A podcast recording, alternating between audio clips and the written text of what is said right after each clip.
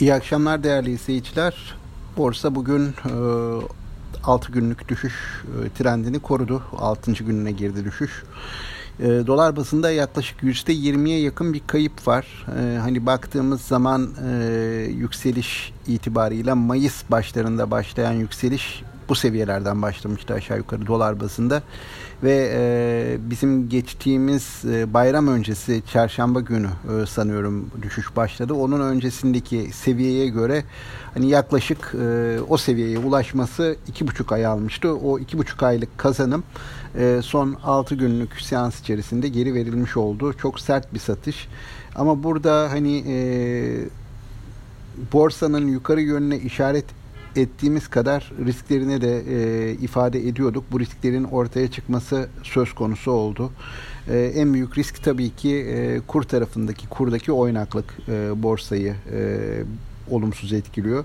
Yurt dışına baktığımız zaman aslında yurt dışındaki havanın, e, yurt dışındaki yatırımcı risk iştahının oldukça kuvvetli olduğunu görüyoruz. Amerikan hissesini de endeksleri yeni rekorlar kırıyorlar. E, fakat bunun bize yansıması e, ne yazık ki e, çok e, zayıf hatta e, ters yönde oluyor. Çünkü kısmen de bizdeki satış yapan yatırımcının muhtemelen gidip e, yurt dışı piyasalarda yurt dışı getirisinin getiri beklentisinin daha iyi olduğu piyasalarda e, alımda yaptığı tahmin edilebilir.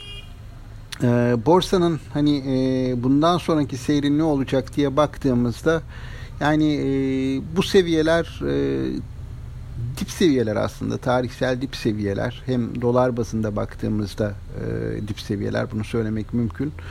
E, fakat hani e, kurdaki e, bu endişe piyasanın rahatsızlığı, piyasanın risk algısı giderilmeden borsa tarafında bir rahatlama görmemiz çok zor görülüyor şimdilik. E, dolayısıyla öncelikle kur tarafında atılacak adımları hani oradaki bir rahatlamayı, bir sakinleşmeyi görmek gerekecek. Onun arkasından borsada yeniden e, beklentilerin kuvvetlenebileceğini söyleyebilirim. Ama şimdilik e, kur tarafında e, bir e, dengelenme görmeden bunu hani borsada beklentilerini oluşturmak e, çok güç. Bugün e, BIST 100 hisselerinin tümü ekside. Sadece bir koz altın o da altın e, cinsinden değerleme yapıldığı için bir miktar kur tarafında kur riski taşımadığı için günü çok hafif de olsa artıda kapatmayı başardı. Küçük hisselerde artılar vardı ama bunun dışında biz yüzü e, etkileyen önemli diyebileceğimiz büyük hisselerde tümünde satışlar vardı. E, zor günlerinden birini e, geride bıraktı borsa. 6 güne e, uzamış oldu düşüş trendi. Bunun özellikle yurt dışında havanın nispeten iyi olduğu bir döneme denk gelmesi tabii ki kötü. Yatırımcı bu yurt dışındaki havadan yurt dışındaki o ivmeden faydalanamıyor. Ama önümüzdeki günlerde e, bir düzeltme, düzeltme olabilir tabii kurdaki e, hareketlere de bağlı olarak. Ama bugünün ardından çok fazla söylenebilecek bir şey yok borsanın e, seyrine ilişkin olarak, şirketlerin e, durumuna ilişkin olarak.